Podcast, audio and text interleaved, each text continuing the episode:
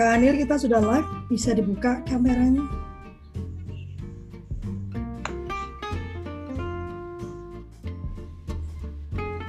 Wah, terima kasih Kak Anil. Nah, uh, saya buka dulu ya. Tete habis itu ini ya supaya aku bisa share ya. Oke. Saya share ya. Tunggu dulu kan aku belum kasih kamu linknya. Oh iya. Soalnya Ya, uh, selamat pagi. Uh, selamat bertemu kembali dalam Kultur Parenting Pagi edisi 17 Februari 2021. Uh, pagi ini kita ditemani dengan Kanil Dawan. Aku salah, Teteh nulisnya Dawam. Aku jadi ngomongnya Dawam. Ingat-ingat ini Mas Dawam Raharjo. iya, makanya. Nah, terus diprotes aku ya. Maaf ya, Kanil. pagi ini belum. Apa-apa pas saya share tuh beberapa bilang oh itu saya kenal banget itu gitu. Beberapa teman bilang saya kenal banget dengan Kak Anil ini. Wah ya mari yeah. itu ternyata ya tetap aja. Ya pagi ini kita akan live di YouTube dan nanti akan saya masukkan ke podcast uh, supaya kita bisa mendengarkan dan kita akan dipandu oleh Teh Yanti. Silakan Teh.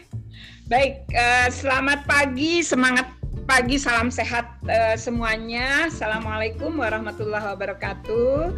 Salam sejahtera, salam kebajikan, salam Om Swastiastu, Namo Buddhaya, Rahayu, Rahayu, Rahayu. Oke, okay. uh, eh, pagi ini kita uh, bersyukur sekali ya. Ini karena saya tahu Kak Anil Dawan ini sangat sibuk gitu dengan uh, wahana visinya. saya mengenal beliau di sahabat keluarga dan uh, yang saya tahu beliau benar-benar fokus waktu itu di sahabat keluarga untuk parenting ya Kak Anil ya. Lalu kemudian uh, saya diundang Kak Anil dalam uh, ini mereview modul pelatihan untuk uh, tokoh-tokoh lintas agama untuk penanggulangan bencana dan ini sangat penting ketika kami uh, bersama-sama uh, bekerja bersama uh, Wahana Visi Karampuang dan Sigap Kelip Indonesia di Sulbar uh, apa ya Eh, pemahaman inklusif dalam penanggulangan bencana, tafsir bencana menurut agama ini sangat penting uh, di dalam upaya memastikan uh, from the eh, from ER to DRR ya dari emergency response ke disaster risk reduction gitu ya. Uh, nanti siang kita ada acara resiliensi juga dari APAD Indonesia jadi ini uh, keren banget. Nah, hari ini kita akan uh, menyimak uh, apa yang disampaikan oleh Kak Anil. Kak Anil silahkan memperkenalkan diri dan uh, menyampaikan uh, pointers-pointersnya sampai uh, pukul 8 uh, WIB berarti ada 25 menit ya Kak Anil ya. Nanti kita uh, elaborasi bersama 30 menit kemudian. Kepada Kak Anil dipersilakan. Ya, terima kasih. Uh, salam sehat untuk kita semua. Selamat pagi. Ini pagi yang ceria, pagi yang bahagia kita bisa bertemu, bisa uh, sharing gagasan, bagaimana kita punya concern terhadap sebuah keluarga. Nah, karena saya di sini mau menyampaikan tentang pengasuhan dengan cinta, ya ini sebetulnya dilatar belakangi dengan satu uh, pergumulan ya, uh, satu assessment juga yang kami lakukan uh, di beberapa negara dan kami coba uh, bertanya kepada uh, apa anak-anak ya kami melakukan survei terhadap kurang lebih 600 ribu uh, anak ya dan orang tua ada satu uh, pertanyaan yang diajukan di situ dan uh, pertanyaannya adalah apa yang dimaksud dengan uh, kesejahteraan anak? Nama sejahtera itu yang seperti apa? Yang menarik uh, muncul dari satu anak di Mali. Uh, dia mengatakan begini, uh, yang menurut saya sejahtera itu kira-kira dapatkah Anda itu mengajarkan kepada orang tua kami supaya orang tua kami itu sayang sama kami gitu. Jadi sederhana banget gitu ya. Seorang anak yang mengatakan bahwa sejahtera itu kalau dia disayangi, dia dicintai, dia diperhatikan baik tumbuh kembangnya maupun juga tahapnya yang lain.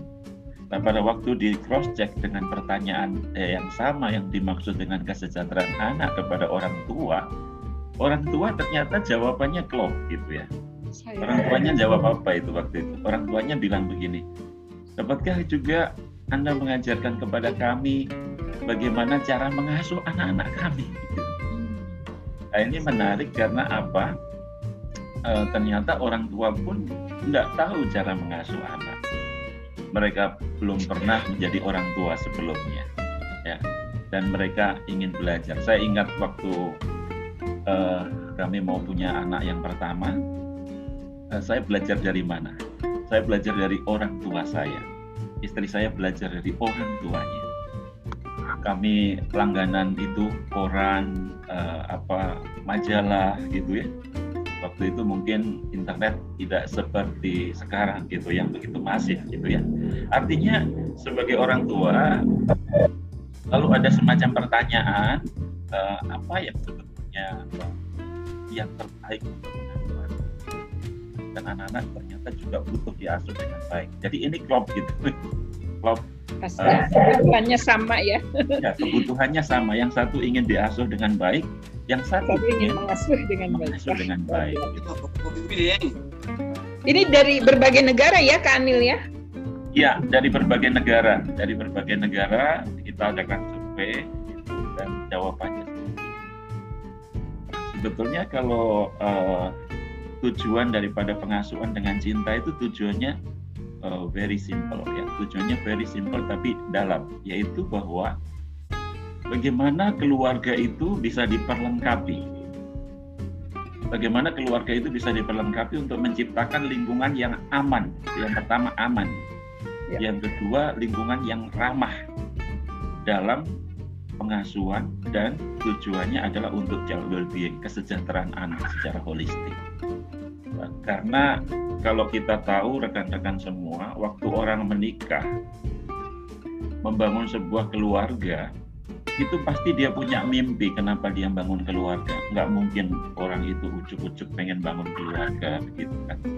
Uh, lalu pada waktu membangun keluarga, itu kan keluarga yang dibangun itu kan pertemuan antara laki-laki dan perempuan yang tentunya pada waktu dia punya mimpi untuk membangun satu keluarga dari awal sampai akhir ya itu semacam uh, ada mimpi gitu ya mimpi sebagai keluarga yang bahagia. Anil izin menyapa dulu ya ini ada ada banyak uh, teman-teman ya, ya. kita ini ada ya, Pak Pak Irwan dari Satgas Covid nih Kak Anil oh, dari uh, kepala bidang apa untuk mitigasi di Satgas Covid ada Pendeta Adi, ya. ada Bu Yani, ada Bu Hikmah, ada Bunda Betty, uh, psikolog kita, ada Pak Sukardin dari SMA Negeri di Sigi, Pak Anil. Mungkin Pak Anil oh, ya. pernah ketemu malah ya, Kak. Kak Joanna, Kak Regina, Umi Laila, Kak Manulang, lalu ya, ya Kak Lovely. Silakan Kak Anil, dilanjut Kak. Ya, uh, selamat bergabung rekan-rekan yang baru bergabung ya. Uh, jadi tadi saya kembali kepada tujuan keluarga. Apa sih orang berkeluarga itu tujuannya kan dia bahagia sebetulnya. Dia punya mimpi. Tapi kadang mimpi itu berantakan gitu. Mimpinya itu berantakan di di tengah jalan. Ya, ya. Atau bahkan sebelum keluarga dimulai sudah sudah sebetulnya ada potret-potret keluarga yang retak dan rusak gitu. Nah, potret keluarga yang retak dan rusak ini adalah ditandai dengan berbagai macam uh, salah satunya adalah ditandai dengan luka. Jadi uh, keluarga itu karena tadi pertemuan antara seorang laki-laki dan perempuan, dia punya background dari keluarga masing-masing dan pengasuhan yang berbeda, gitu ya. Jadi uh, tanda-tanda lukanya apa? Keluarga yang yang tadi yang masuk dalam uh, penyatuan tadi sebelumnya si laki-laki si uh, suami mungkin dia pernah diperlakukan dengan pengasuhan yang otoriter misalkan oleh orang tuanya. Lalu dia bertemu dengan seorang istri yang mungkin anak tunggal dan dimanja oleh orang tuanya, mendapatkan kasih sayang yang full dari orang tuanya. Coba bayangin kalau itu ketemu dalam satu keluarga, kira-kira kayak apa? Ya, kalau mereka tanda-tanda yang retak dan rusak itu adalah misalkan mereka kalau konflik, mereka nggak mau saling memaafkan mau menang sendiri ya saya ingat ya waktu pernikahan saya pertama kali uh, tahun pertama, oh ternyata banyak konflik juga, saya mengakui. Baru tahun pertama ya? tahun pertama, meskipun sudah pacaran sebelumnya, hanya gara-gara sepele misalkan anu Mbak Yanti, uh, Yanti. Misalkan uh, saya kan dibesarkan dari keluarga yang bukan pegawai negeri gitu ya. Jadi kalau uh, kita makan itu nggak pernah makan itu satu meja gitu kecuali uh, momen tertentu. Jadi yang lapar duluan, yang makan duluan gitu karena makanan sudah. Eh, saya istri saya dibesarkan dari keluarga yang teratur banget. Gitu. Jadi jadi dia kalau pasti seru ya tiap harinya dari pagi sampai malam. Kalau makan itu harus bersama harus bareng. Karena yang misalkan lapar ya harus nunggu duluan gitu. Jadi suatu kali saya datang pulang ini kami baru nikah ya mungkin beberapa bulan mas yang tiga atau empat bulan. Saya ingat. Saya lapar saya datang saya makan gitu. Lalu beberapa saat kemudian istri saya datang? Dia bilang loh kok makan sendiri? Saya bilang loh lapar kok. Ya jadi saya makan sendiri saya bilang gitu. Loh gimana sih aturan keluargamu itu gimana sih? Jadi sudah mulai loh aturan keluargaku yang lapar yang makan duluan. Saya bilang gitu. Loh di keluargaku enggak gitu kok. Udah beda banget ya. Beda sudah beda sudah. Jadi Nah itu memang nggak nggak masalah sebetulnya kalau dalam satu keluarga terjadi perbedaan nggak masalah. Suami istri pola pengasuhan karena dibesarkan dari pola pengasuhan yang berbeda nggak masalah. Tetapi karena itu sering kali menjadi suatu perbedaan yang tajam, pada akhirnya ada luka, ada luka. Ada luka. Ya, besi menajamkan besi lalu ada gesekan-gesekan begitu. Tapi sebetulnya kalau dirunut lebih jauh itu tadi karena pengasuhan dari keluarga karena anak dibesarkan itu yang paling berpengaruh selain faktor genetik saya kira adalah faktor pola asuh. Ya. Nah, pola asuh itu dibawa dalam mengasuh nanti anak-anaknya. Uh, lalu kan tadi saya bilang uh, keluarga punya hidup awal gitu ya, awal perjalanan dari sebuah keluarga. Lalu mereka berjalan bersama dalam berjalan bersama inilah keluarga yang ditandai dengan luka-luka tadi harus dibereskan dulu. Karena kalau tidak perjalanannya tadi nggak menabur kebaikan tapi menabur permasalahan. Nggak ada rasa syukur tetapi justru adanya pengen tawur terus begitu. Ya betul betul. Ya nggak ada saling memaafkan. Kalau ada yang salah mau rendah hati saya salah saya minta maaf saya janji nggak ulang lagi. Ada kesempatan ruang-ruang yang harus dibangun di dalam sebuah keluarga dalam perjalanan itu untuk membereskan luka-luka tadi sambil merajut menghargai masa sekarang. Sampai pada akhirnya keluarga itu bisa sampai menuju keutuhannya. Hidup saling mendukung lalu mengasuh anak bersama-sama dengan baik jadi mungkin gambarannya seperti itu secara keseluruhan. Jadi ketika uh, uh, apa uh, punya mimpi, saya menyarankan keluarga itu mulai dari mimpi yang dia miliki gitu, dan menggambarkan mimpi itu. Uh, di pelatihan-pelatihan kami coba membuat satu figura kertas yang ada figuranya gitu kami bagikan kepada peserta. Kami minta supaya mereka melukiskan, yaitu mimpi keluarga. Karena kalau tidak ada mimpi, visi bersama dalam sebuah keluarga, nanti setiap anggota keluarga itu jalannya semaunya sendiri gitu. Ada yang papahnya, ayahnya, abahnya itu mau ke timur gitu ya. Uminya ya ibunya, mamanya itu mau ke barat, anaknya mau ke selatan, gitu. mana ketemu gitu ya. Jadi disarankan dan ketika saya saya melakukan pelatihan ini saya lakukan kepada couple, kepada uh, suami istri. Wah, luar biasa gitu. Ketika saya lakukan hanya kepada salah satu, suaminya saja atau istrinya hasilnya saya lihat bagus tetapi belum maksimal itu sekitar 60 atau 70 persen tapi ketika saya lakukan kepada pasangan suami istri wah itu mereka uh, terjadi. Di situ mereka tangis-tangisan gitu menangis gitu. Ternyata mereka baru ya, ya, mereka mengakui ya, saya latihkan ini di uh, itu pelatihan pertama yang suami istri ya di Palu Barat uh, di rekan-rekan opsir uh, bala keselamatan itu ada kurang lebih mungkin uh, mungkin sekitar 17 sampai 22 pasangan ya. Gitu.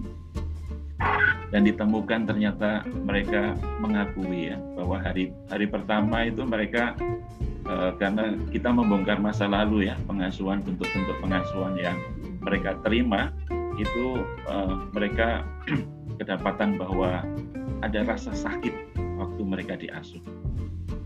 Mereka ada yang diasuh di panti asuhan, mendapat perlakuan dari kakak-kakak uh, tingkatnya begitu ya. Mereka lalu dibesarkan dari keluarga atau orang tua yang sangat otoriter sehingga kekerasan itu terjadi kekerasan itu terjadi entah kekerasan fisik entah entah kekerasan verbal maupun juga uh, kekerasan secara psikis gitu. Nah, pada waktu kita membongkar masa lalu dalam uh, diskusi itu kita menciptakan ruang yang aman lagi. Sekali lagi kita ciptakan ruang aman supaya ketika orang bercerita tentang hal yang terjadi dalam hidupnya, dia nggak merasa dihakimi. Ya, dia nggak merasa dihakimi. Dia juga nggak merasa disudutkan ya ini ini saya ini apa adanya yang saya ingin buka terkadang di pelatihan-pelatihan itu saya memberikan uh, apa ya catatan kepada peserta pada waktu uh, berbagi di kelompok kecil tolong kalau ada yang sesuatu yang ini jangan ditertawakan. Lalu yang kedua kalau ada sesuatu yang diceritakan orang bisa cerita gitu. Setelah dia cerita dalam kaitan dengan mengingat rasa sakit untuk uh, karena ini kan kita mau yang sakit Bongkar, ini ya? dibongkar dulu dia cerita dan dia bisa menceritakan masa lalunya termasuk ini ya pengalaman yang hanya, dua sebetulnya pertanyaannya. Pengalaman yang menyenangkan yang karena yang diingat dalam hidup kita itu hanya dua hal saja sebetulnya. Pengalaman yang paling menyenangkan dan pengalaman yang paling menyakitkan. Dan ternyata uh, waktu pelatihan itu yang suami istri itu itu 80% yang diingat itu pengalaman yang menyedihkan atau yang menyakitkan. Lebih melekat ya Kak ya? Iya kayaknya itu yang nancep gitu di kepala gitu ya. Jadi ketika mereka sudah mengungkapkan pengalaman yang menyakitkan itu kita coba mereka untuk menghadapi dengan jujur gitu. Hadapi dengan jujur saja. Memang itu terjadi dalam hidup kita. Kita akui saja bahwa itu pengalaman itu ada. Ada yang coba uh, ingin ya pada waktu itu malu gitu ya. Apalagi yang laki-laki itu bapak-bapak itu bilang gini ah laki-laki malu kita mau bukaan gini gitu. Nggak biasa curhat gitu ya. Nggak bisa mungkin menyembunyikan rapat-rapat di bawah karpet banyak. Tapi namanya kotoran kerikil hmm. disembunyikan di bawah karpet kan ganjal kan gitu ya. Jadi ketika uh, satu dua itu bahkan juga kita buka konseling untuk suami istrinya karena ada relasi-relasi tadi yang gesekan-gesekan terus terjadi selama begitu banyak ternyata korbannya anak mereka gitu. Hmm jadi uh, uh, mereka kita minta untuk mengakui dulu, karena tanpa pengakuan itu tidak ada cara memaafkan. Yeah. Tidak tanpa pengakuan nggak ada cara memaafkan. Ya, saya ingat si siapa ini satu uh, Nelson Mandela. Nelson Mandela ketika dia membangun rekonsiliasi di Afrika Selatan, dia dia mempertemukan antara pelaku yang menyakiti itu yaitu uh, kulit putih atau dengan uh, politik market dengan uh, apa kulit hitam yang diperlakukan secara diskriminatif gitu ya. Jadi uh, yang melakukan harus mengakui dulu kan harus ya, betul. Uh, harus mengakui bahwa dia melakukan. sedangkan yang menerima sebagai korban itu harus juga mengakui rasa sakitnya karena tanpa dipertemukan itu ya nggak ada. Ya nggak ada satu pemulihan ya. Yang ada pemulihan semu saja. Yang satu nggak merasa bersalah menyakiti. Ya. yang jadi korban juga uh, dia men, me, me, ada luka tapi luka belum sembuh tapi di jadi seperti sekam gitu ya. Api dalam sekam gitu ya. Dan hanya tinggal kesempatan saja menunggu kesempatan untuk membalas kalau tidak ada pengakuan yang jujur tentang apa yang pernah terjadi dalam kehidupan. Lalu setelah itu kita ajak supaya menerima tanggung jawab dalam hal itu dan berhenti menyalahkan semua orang. Jadi menerima bahwa sebetulnya kejadian pengasuhan-pengasuhan yang salah yang diterima di masa lalu itu itu tanggung jawab bersama. Ya, saya sendiri dibesarkan dari gabungan teh dan rekan-rekan semua. Ayah saya uh, agak agak otoriter. Ayah saya agak otoriter. Potong rambut saja uh, dipaksa model dulu kalau model modelnya itu harus pokoknya harus kayak tentara gitu ya iya kayak tentara gitu sampai nangis ya. Padahal itu biar ngirit ke tukang cukur, Kak Anil. Nggak sering ke tukang cukur. Kita nggak bikin cepat. Itu cuma ada jambulnya gitu. Aduh. saya itu sampai saya itu kan uh, punya adik ya. Saya kan bertiga. Saya cowok adik saya cowok kakak saya cewek. Dan kami berdua yang jadi korban ini ya ayah saya gitu ya. Saya kalau cerita kan kami sudah saya sudah berdamai dengan ayah saya. Saya ceritakan itu ketawa ketawa saja ayah saya itu. Karena ayah pengetahuannya saya, di situ ya pengetahuannya hanya sampai di situ. Dan ayah saya model rambutnya sampai sekarang ya begitu. Ya gitu cuma saya nggak bisa tunjukin fotonya. Ya tapi saya sangat sayang sekali sama ayah saya. Kapan hari dia ulang tahun ya.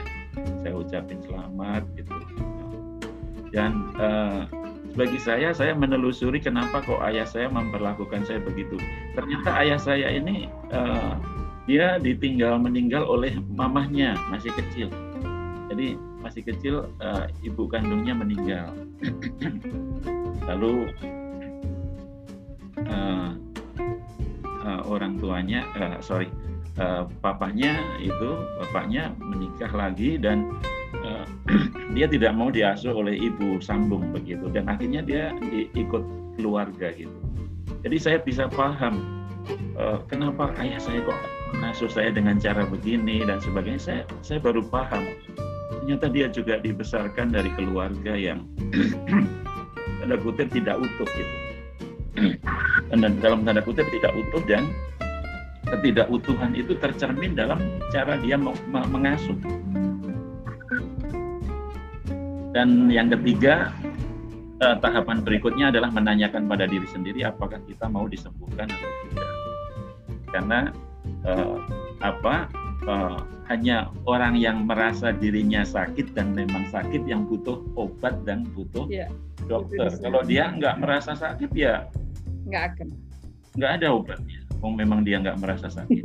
nggak akan nyari obatnya ya, Kamil ya. ya tidak ada dorongan untuk mencari obat dan menyembuhkan sakitnya itu. Jadi dia fine-fine saja, tapi ya gitu melukai, menyakiti, ya.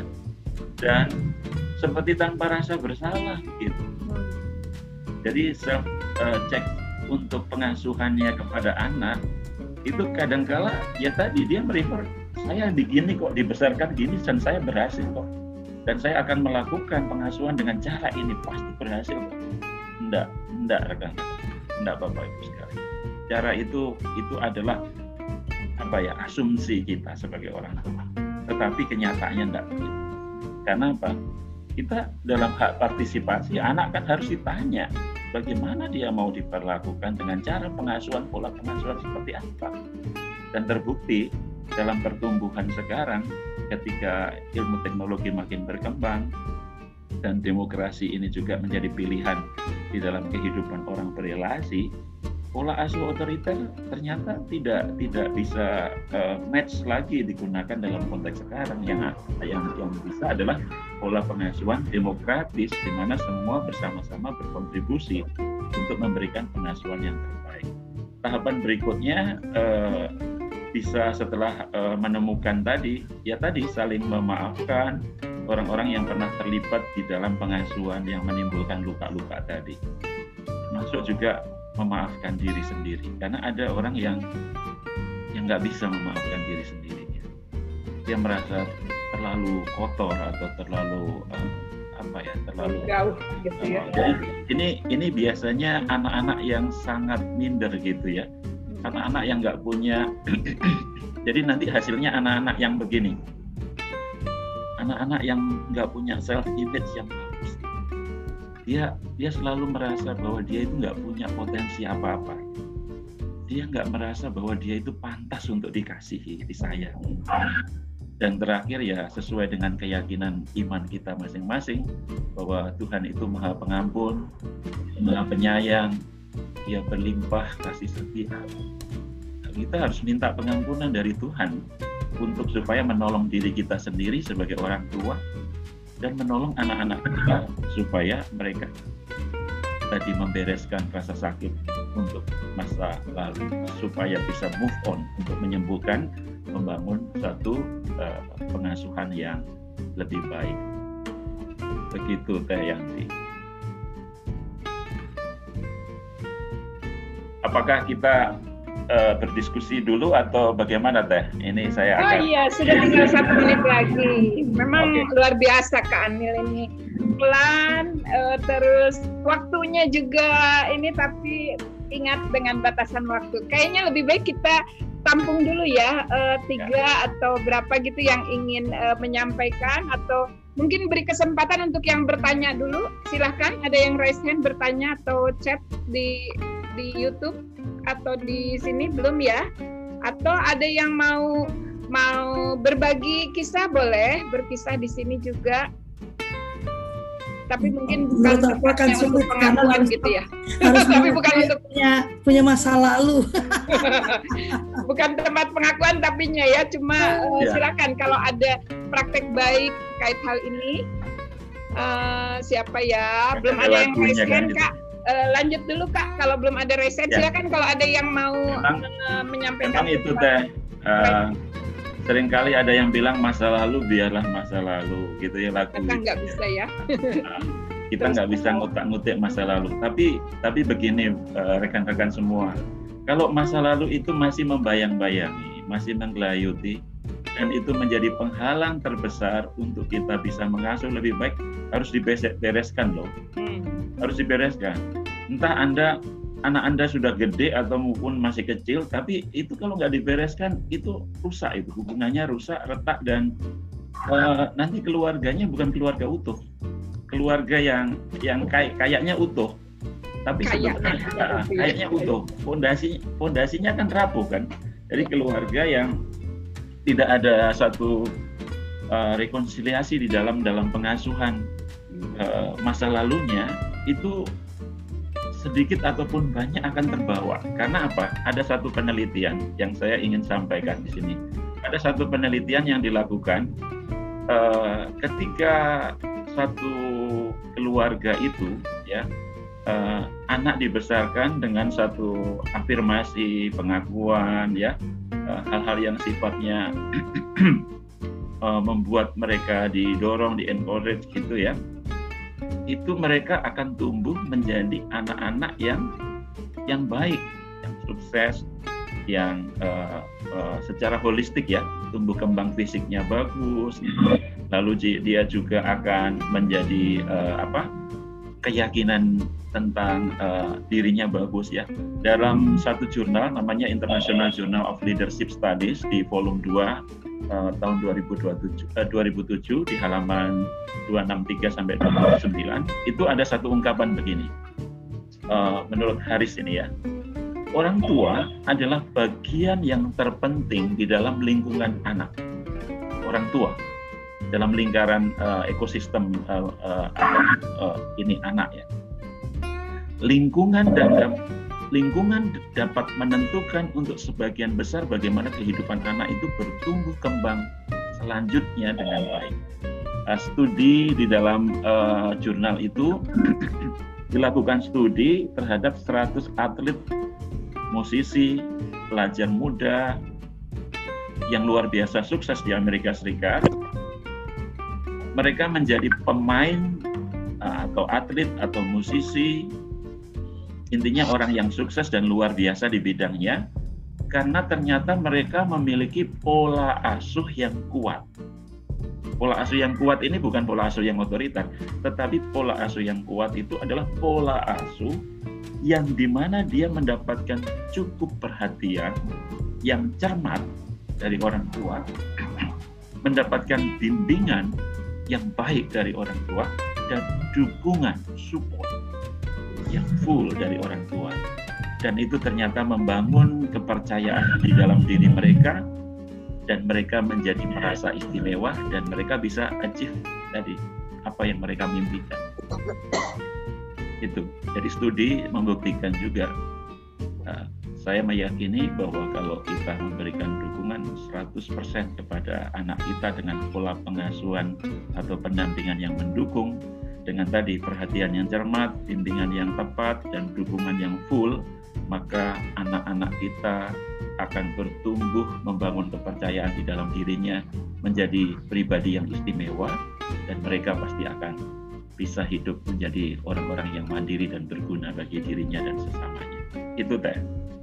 Oke, terima kasih nih Kak Anil. Memang uh, ketika kita bicara tentang uh, mengasuh anak-anak kita, uh, di dalamnya juga tergambarkan kita diasuh seperti apa gitu ya. Ini ada yang sudah raise hand, Pendeta Adi silahkan.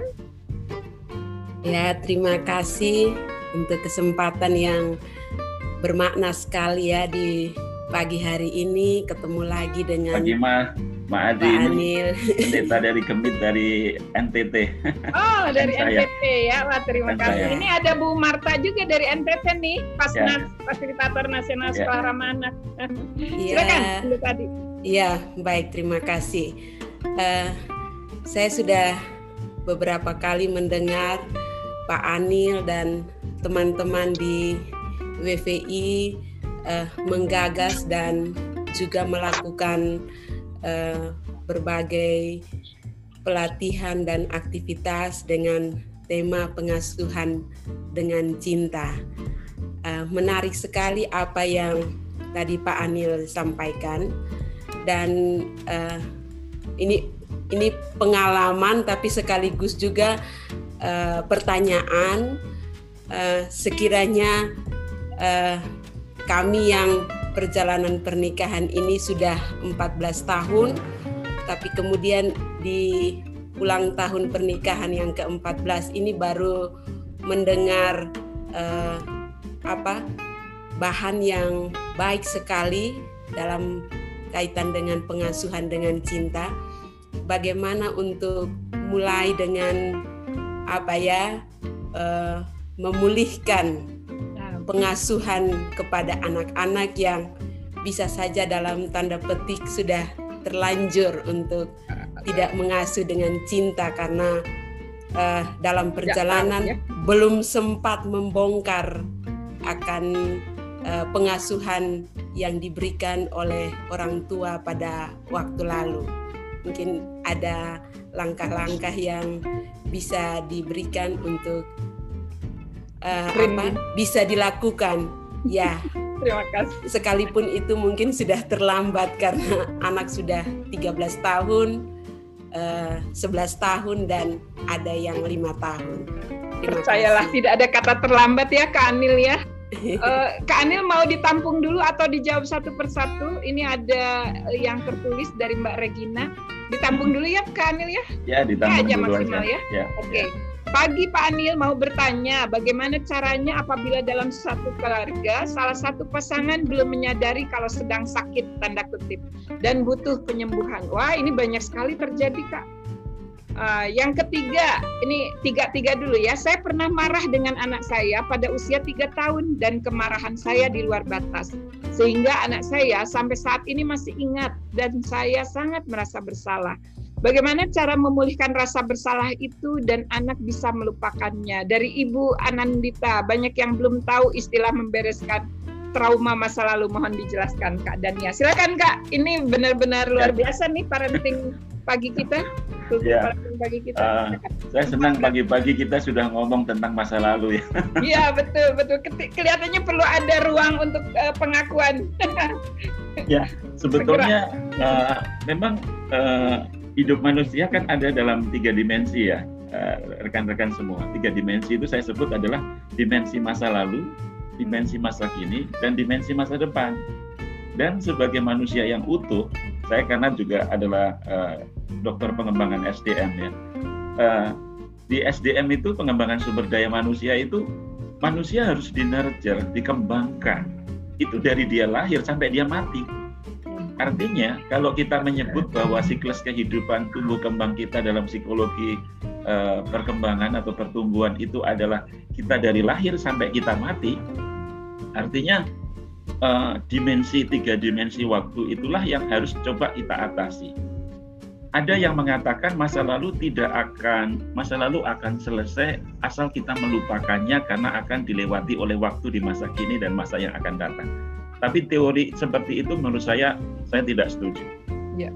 Saya katakan tidak setuju artinya apa? Memang ada kesalahan-kesalahan pengasuhan masa lalu yang akhirnya kita lupakan karena itu kecil.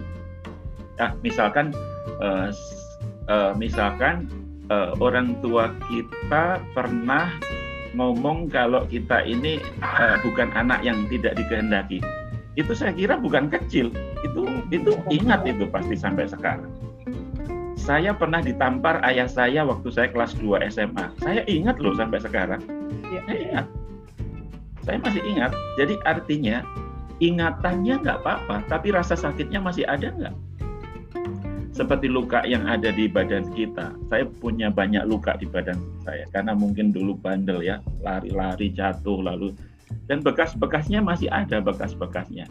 Cuma kalau bekas-bekas itu masih kalau kesenggol masih sakit, itu berarti masih sakit, masih belum sembuh. Tapi kalau sudah bekasnya ada tetapi rasa sakitnya sudah hilang, berarti sudah sembuh. Kita tidak mungkin menghilangkan luka-luka itu karena luka-luka itu bagian dari sejarah hidup kita. Ibarat pakai paku ke kayu ya kayak ya, tetap ya. ada bekasnya. Ya, lubang-lubang bekasnya masih ada. Ya. Cuma kalau di badan kita itu bisa kita obatin dengan betadin dan sebagainya. Tapi kalau luka-luka itu di hati kita, ya, di jiwa kita, ya, itu itu menurut saya ada memori-memori yang memang nah selesainya dengan apa? Saya kira dengan percakapan-percakapan yang aman tadi membuka ruang-ruang percakapan. Di pelatihan itu kami minta mereka membuat surat. Membuat hmm. surat ya, surat ya. untuk orang yang pernah menyakiti melukai dan mereka pernah sakiti gitu ya termasuk anaknya kita minta mereka berikan surat untuk mengakui bahwa apa yang mereka lakukan itu sesuatu yang menyakitkan baik diri mereka maupun nah, dan meminta maaf. Ya pernah ada yang tanya Pak, yang melukai saya sudah meninggal Pak, gimana? Jadi orang tuanya sudah meninggal. Saya bilang kalau sudah meninggal ya sudah selesai dong ya. Tetapi kalau anda belum selesai ya anda berdoa dengan keyakinan anda. Uh, minta supaya kita bisa mengampuni, memaafkan, dan kita juga dimaafkan dari kesalahan kita. Ya, dengan keyakinan iman kita masing-masing, saya yakin uh, setiap keyakinan kita memberikan ruang dan jalan untuk kita menyelesaikan dalam ruang pengampunan itu. Lalu untuk Adi tadi, uh, saya kira tidak ada istilah terlambat meskipun uh, karena begini, ada yang namanya dimensi masa kini dan masa depan. Nah, dimensi masa kini yang masa depan yang terus kita rajut dengan baik itu akan menyelesaikan masa lalu yang buruk. Ya, dimensi masa kini yang baik, pengasuhan masa kini yang baik, masa depan yang baik dengan merajut mimpi. Nanti kita next ketemu di, di itu merajut uh, mimpi itu. Itu kita akan secara tidak langsung itu sebetulnya menyembuhkan luka-luka masa lalu. Tentunya dalam proses itu ada orang yang begini teman-teman kadang uh, minta maaf sekali membuatnya tujuh kali berikutnya lebih kejam. Nah, sudah minta maaf tapi terus eh, melakukan ya? Nggak boleh.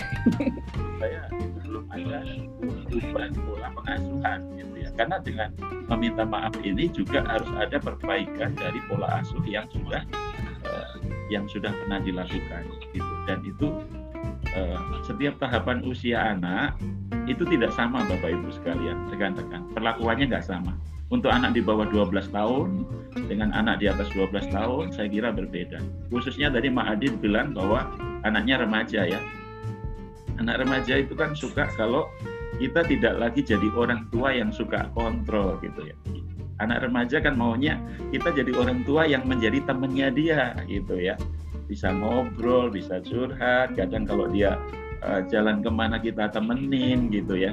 Itu jadi uh, style pengasuhan dalam pendekatan dengan anak dalam tahapan usia yang berbeda, saya kira juga harus membutuhkan intervensi yang berbeda gitu.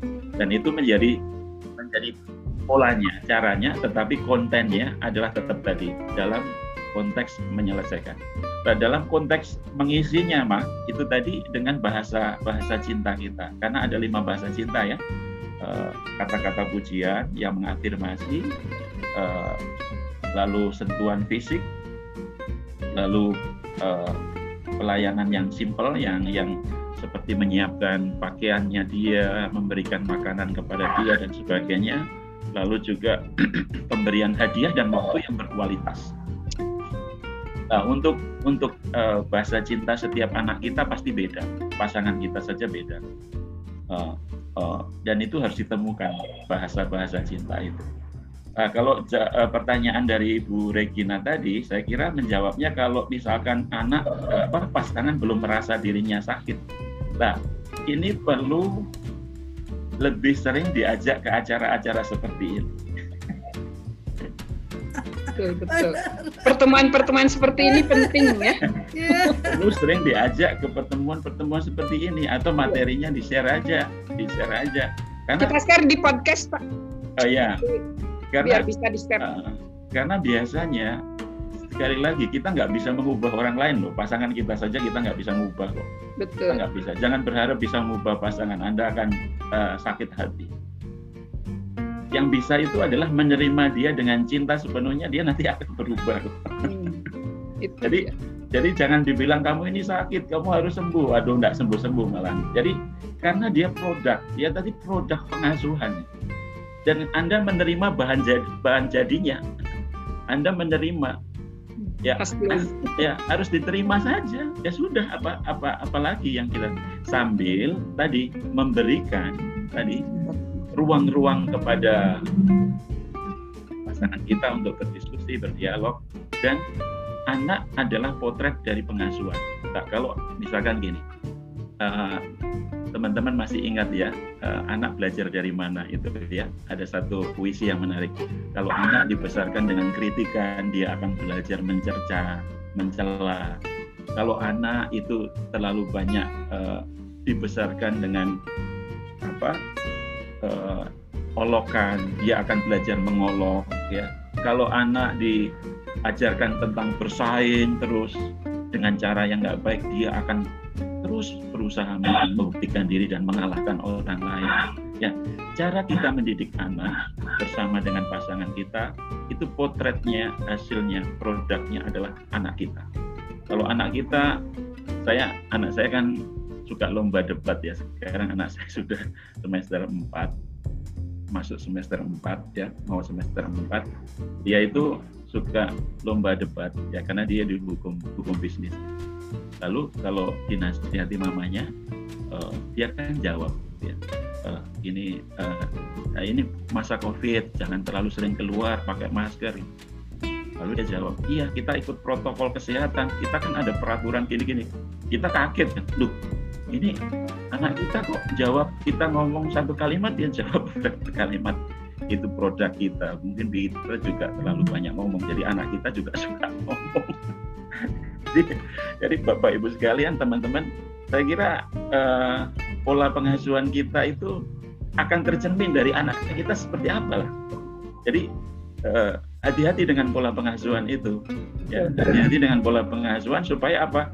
Karena kalau anak kita melakukan sesuatu jangan komplain dong. Itu produk kita kok, produk pengasuhan kita.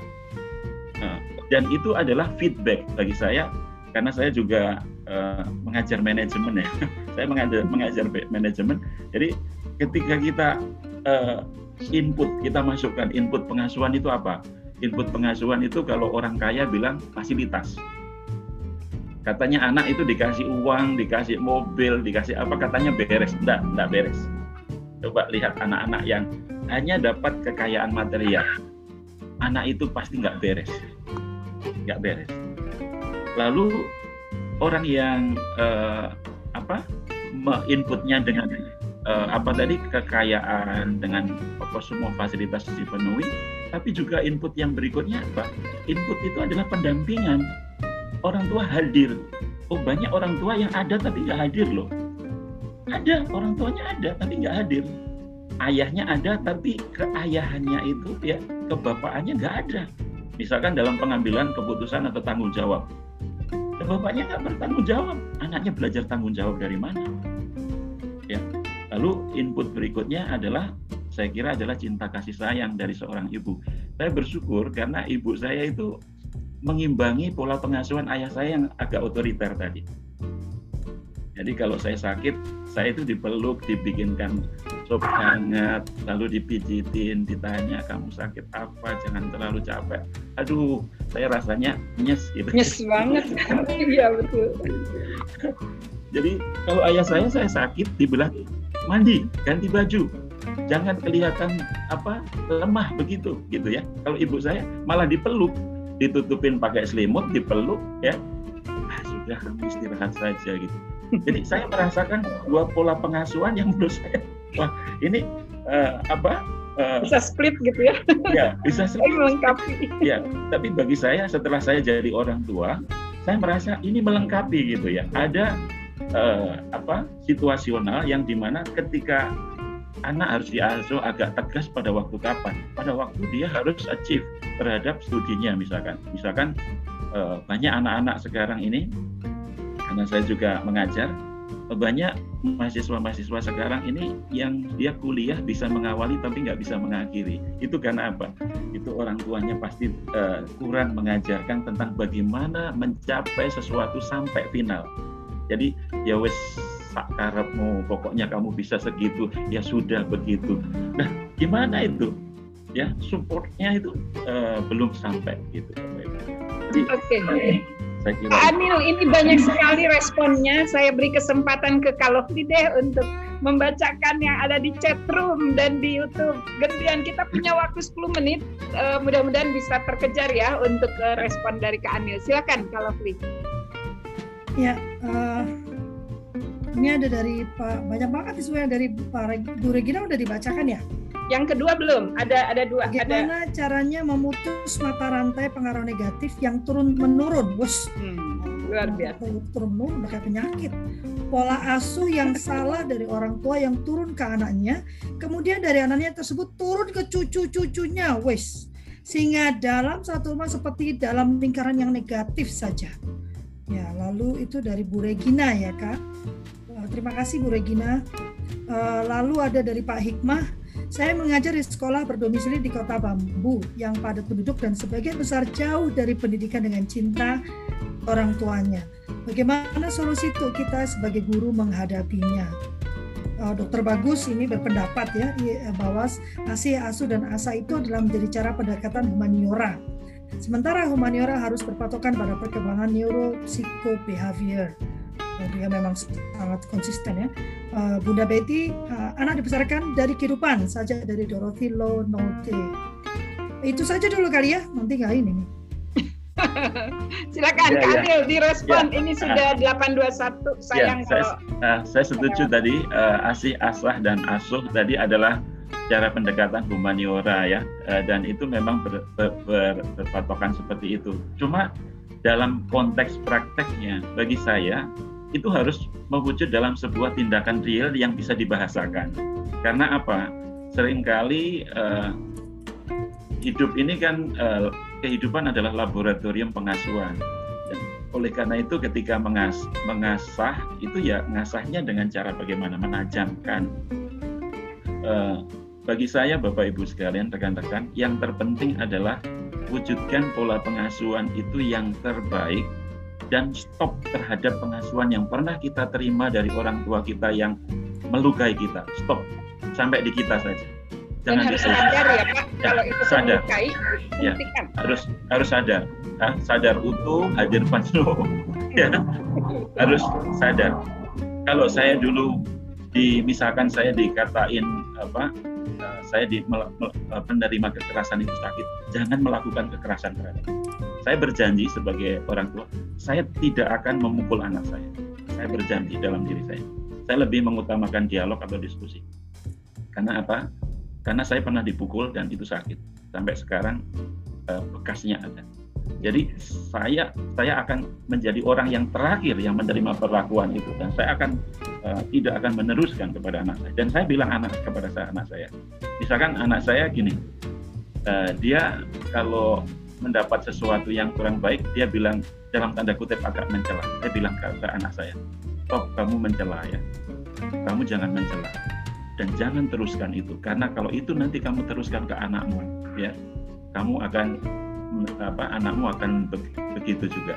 Jadi dalam setiap diskusi, dalam setiap relasi, saya akan mengatakan saya orang terakhir yang menerima itu dan saya tidak akan meneruskan. Tapi kalau itu masih kadang muncul di kita dengan bentuk yang berbeda, kita juga harus ngomong stop sampai di kamu saja ya. Nanti jangan teruskan ke Jadi stop terhadap pengasuhan yang tidak sesuai dengan pola pengasuhan dengan cinta. Stop di kita jangan diteruskan ya. Dan kalau ada sesuatu yang kita memang mau perbaiki ya kita improve kita belajar tidak ada orang tua yang sempurna tidak ada.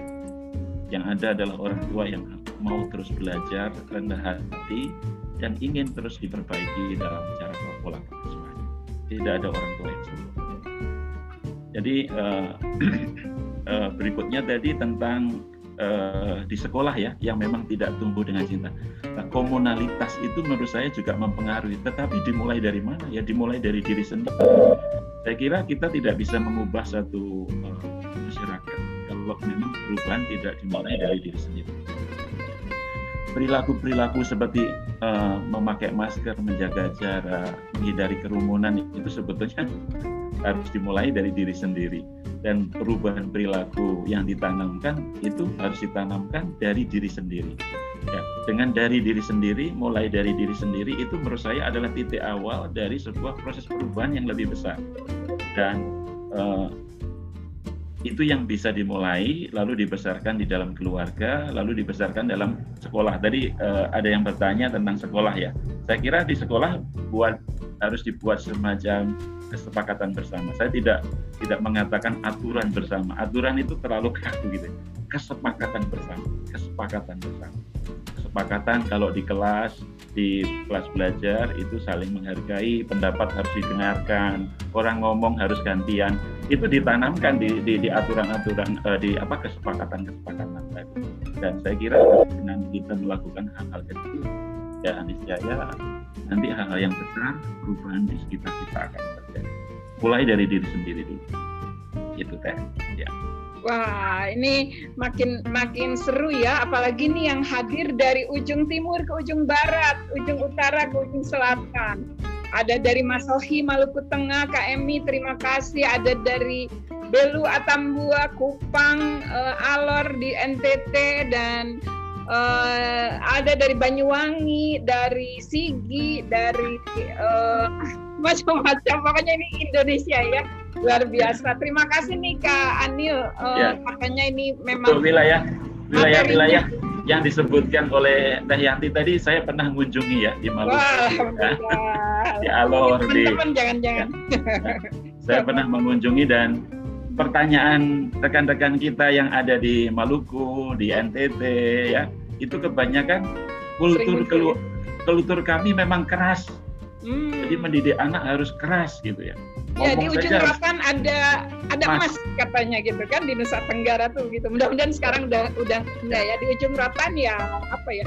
ada ada bupati yang pernah cerita begini. Saya dididik dengan apa keras saja jadi bupati kok. Nah itu selalu berhasil. itu. Nah, berhasil. Ini Kamil jadi. jadi begini karena dididik keras sama ayahnya, kan kayak gitu. Padahal rasa sakitnya masih ada ya. ya Tapi saya bilang kepada bapak bupatinya itu, Bapak kalau dididik lebih baik nggak jadi bupati, Bapak akan jadi, jadi gubernur, ya jadi presiden atau jadi apa? Jadi lebih baik Bapak. Eh, betul Pak, harus harus lebih tapi, lebih baik lagi Insya Allah. Tapi tidak apa-apa, kita dalam hal ini kita tidak mempersalahkan orang tua kita. Orang tua kita betul. juga dibesarkan dari orang tuanya lagi kok. Ya. Jadi mereka juga produk. Jadi yang ada adalah kita belajar saja mengevaluasi pola-pola pengasuhan masa lalu yang kurang baik dan supaya kita bisa memperbaikinya sekarang ini. Sekarang ini waktunya kita memperbaiki. Nanti ke depan kita akan ya insya Allah ya uh, kita akan menjadi lebih baik. Uh, Tuhan juga akan anak kita, ya. anak kita akan generasi-generasi yang lebih baik. Enggak enggak banyak generasi yang sakit hati. Ini di Bandung nih dingin, tapi sebenarnya apa yang kita bicarakan tuh bikin merinding ya.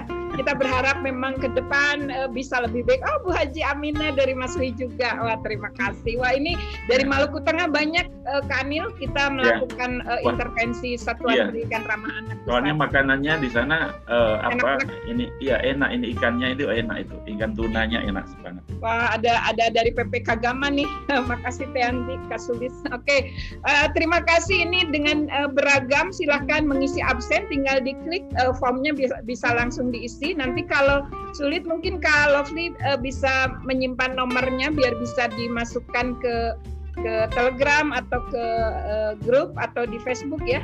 Uh, nomor nomor yang bisa dihubungi. Jadi uh, nanti uh, eh, eh. ini ya. Kak Anil tinggal satu menit lagi ya, ya. closing eh, nanti. Nanti saya siarkan ya. untuk cek uh, pengasuhan kita ini dalam kategori yang mana? Nanti saya ah, bagus banget. Terima kasih. Nanti teman-teman tolong diisi ya itu ya uh, apa self check untuk pengasuhan kita termasuk yang otoriter atau yang demokratis, demokratis. Ya, atau yang ah, itu sekali. yang permisif. Ya, ya. Terima kasih Kanil. Oke, banyak sekali yang kita dapatkan hari ini meskipun uh, waktunya uh, tidak terasa cepat sekali tapi kita uh, bisa belajar terus. Kita lanjutkan di Telegram nanti dan di Facebook uh, grup Kultur Parenting. Sudah aktif. Kalau Fli menyediakan uh, banyak platform untuk kita agar parenting sebagai kultur itu benar-benar kita serbu di mana-mana. Jangan fokus aja yang terus merajalela kita dorong agar model apa pun parenting itu tersedia tinggal Bapak Ibu, Kakak, Adik semuanya tuh melihat mana yang paling paling uh, nyaman buat kita, tapi itu tadi syaratnya dia memberikan lingkungan yang aman bagi anak untuk tumbuh kembang.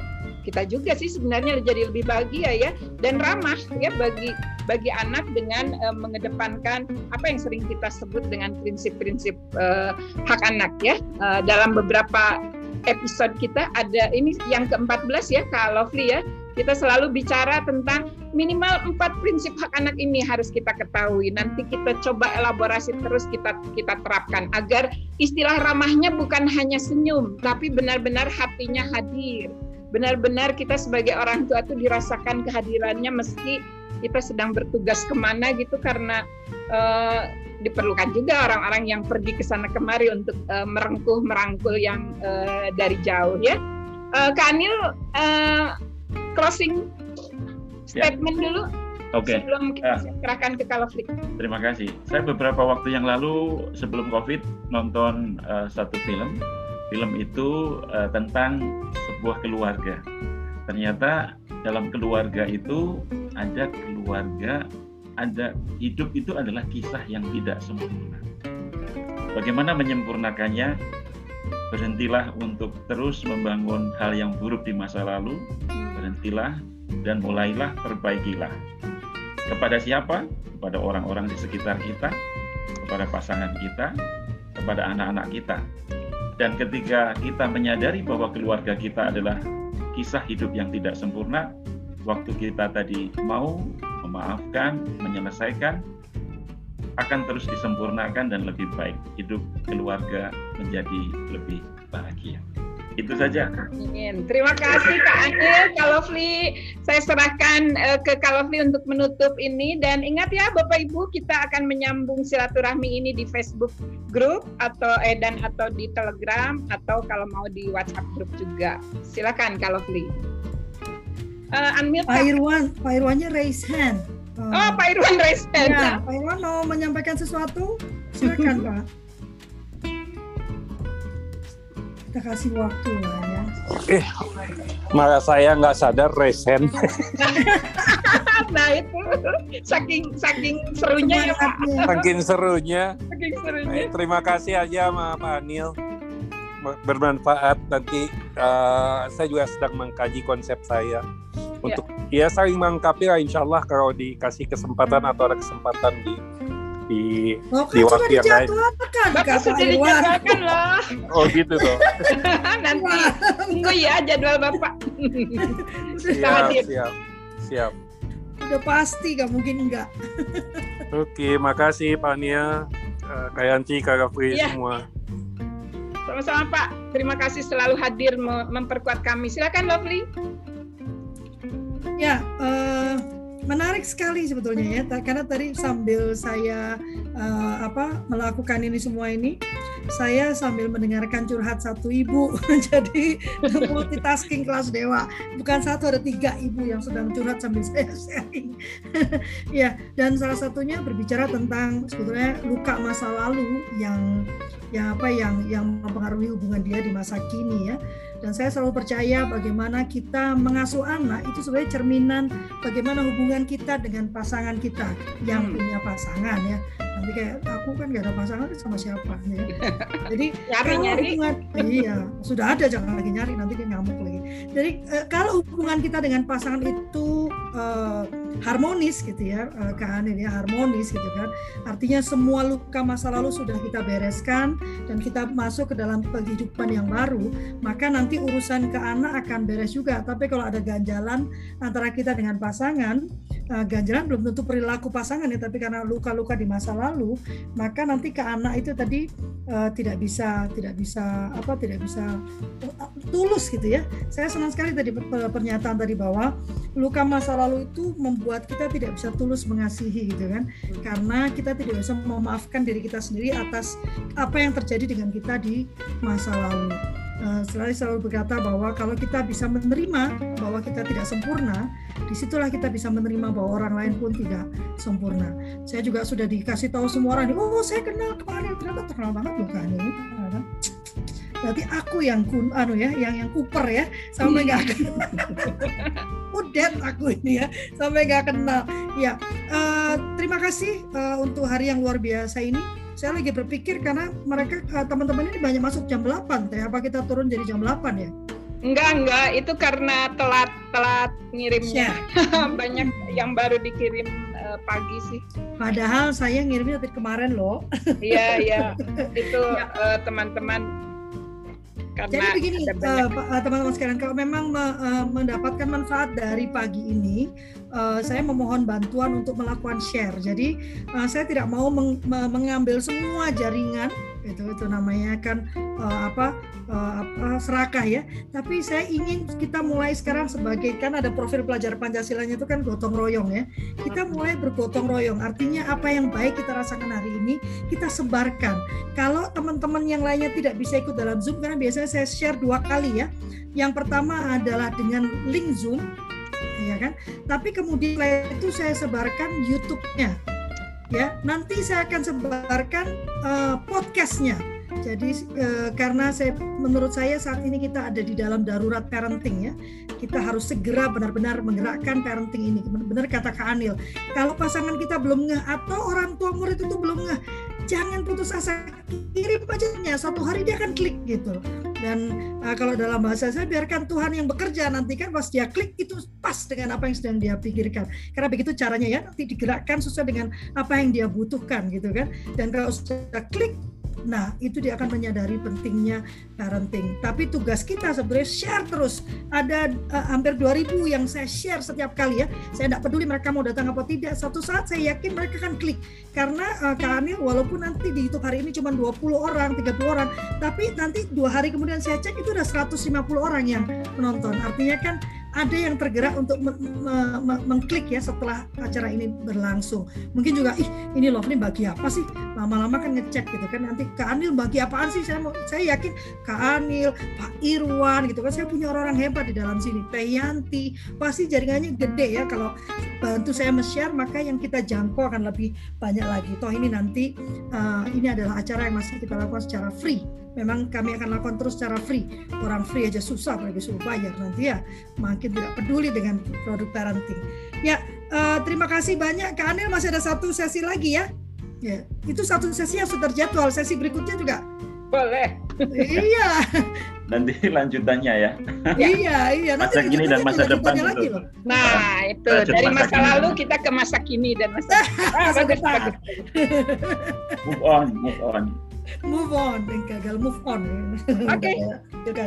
ya terima kasih banyak. Kita akan jangan lupa kita ke IG live Mama Radel dan Yanti Kerlip ya karena, karena biasa kita punya after show nggak cuma Prah saya yang punya after show tapi Lovely dan Yanti punya after show juga. Di IG Mama Radel dan Yanti Kerlip nanti kita akan uh, diskusi diskusi yang sebenarnya kita lakukan setiap kali. Oh itu Bu Lisbeth baru bergabung. Mohon mengisi absen sehingga saya bisa uh, me, me, me, mengirimkan uh, apa uh, link-link berikutnya kepada teman-teman uh, ya uh, terima kasih untuk virus positifnya. Baru kali ada virus positif ya gitu. Di pagi kita pakai virus, virus positif. Ya sampai bertemu lagi jam jam jam 8.34 eh 8 8.40 lah ya. Ya 8.40 di IG live Mama Radel dan Yanti Radel dan Yanti Kerip mohon maaf apabila ada kesalahan perkataan pernyataan gestur yang tidak sesuai. Kami tidak ingin menghakimi kami tidak ingin uh, menggurui. Kami hanya ingin menyampaikan apa yang menjadi keyakinan kami. Dan yang paling penting apa yang kami kerjakan dalam kehidupan kami setiap hari. Jadi nggak om gitu ya. Sampai bertemu lagi di hari Jumat uh, dengan pembicaraan lain karena Kak Anil berhalangan hari Jumat besok jadi digantikan ya. Uh, sampai ketemu lagi. Tuhan memberkati. Salam sehat, tetap bahagia. Salam sehat semuanya. Kak Anil terima kasih banyak. Terima kasih. Banyak yang ya. bilang katanya, oh itu dosen saya itu. Wah. Ternyata. Salam sehat untuk semuanya. Selamat beraktivitas. Selamat beraktivitas. Iya. Terima kasih Pak Irwan. Selamat Sama-sama pamit. Ya, pamit Pak Irwan. Waalaikumsalam.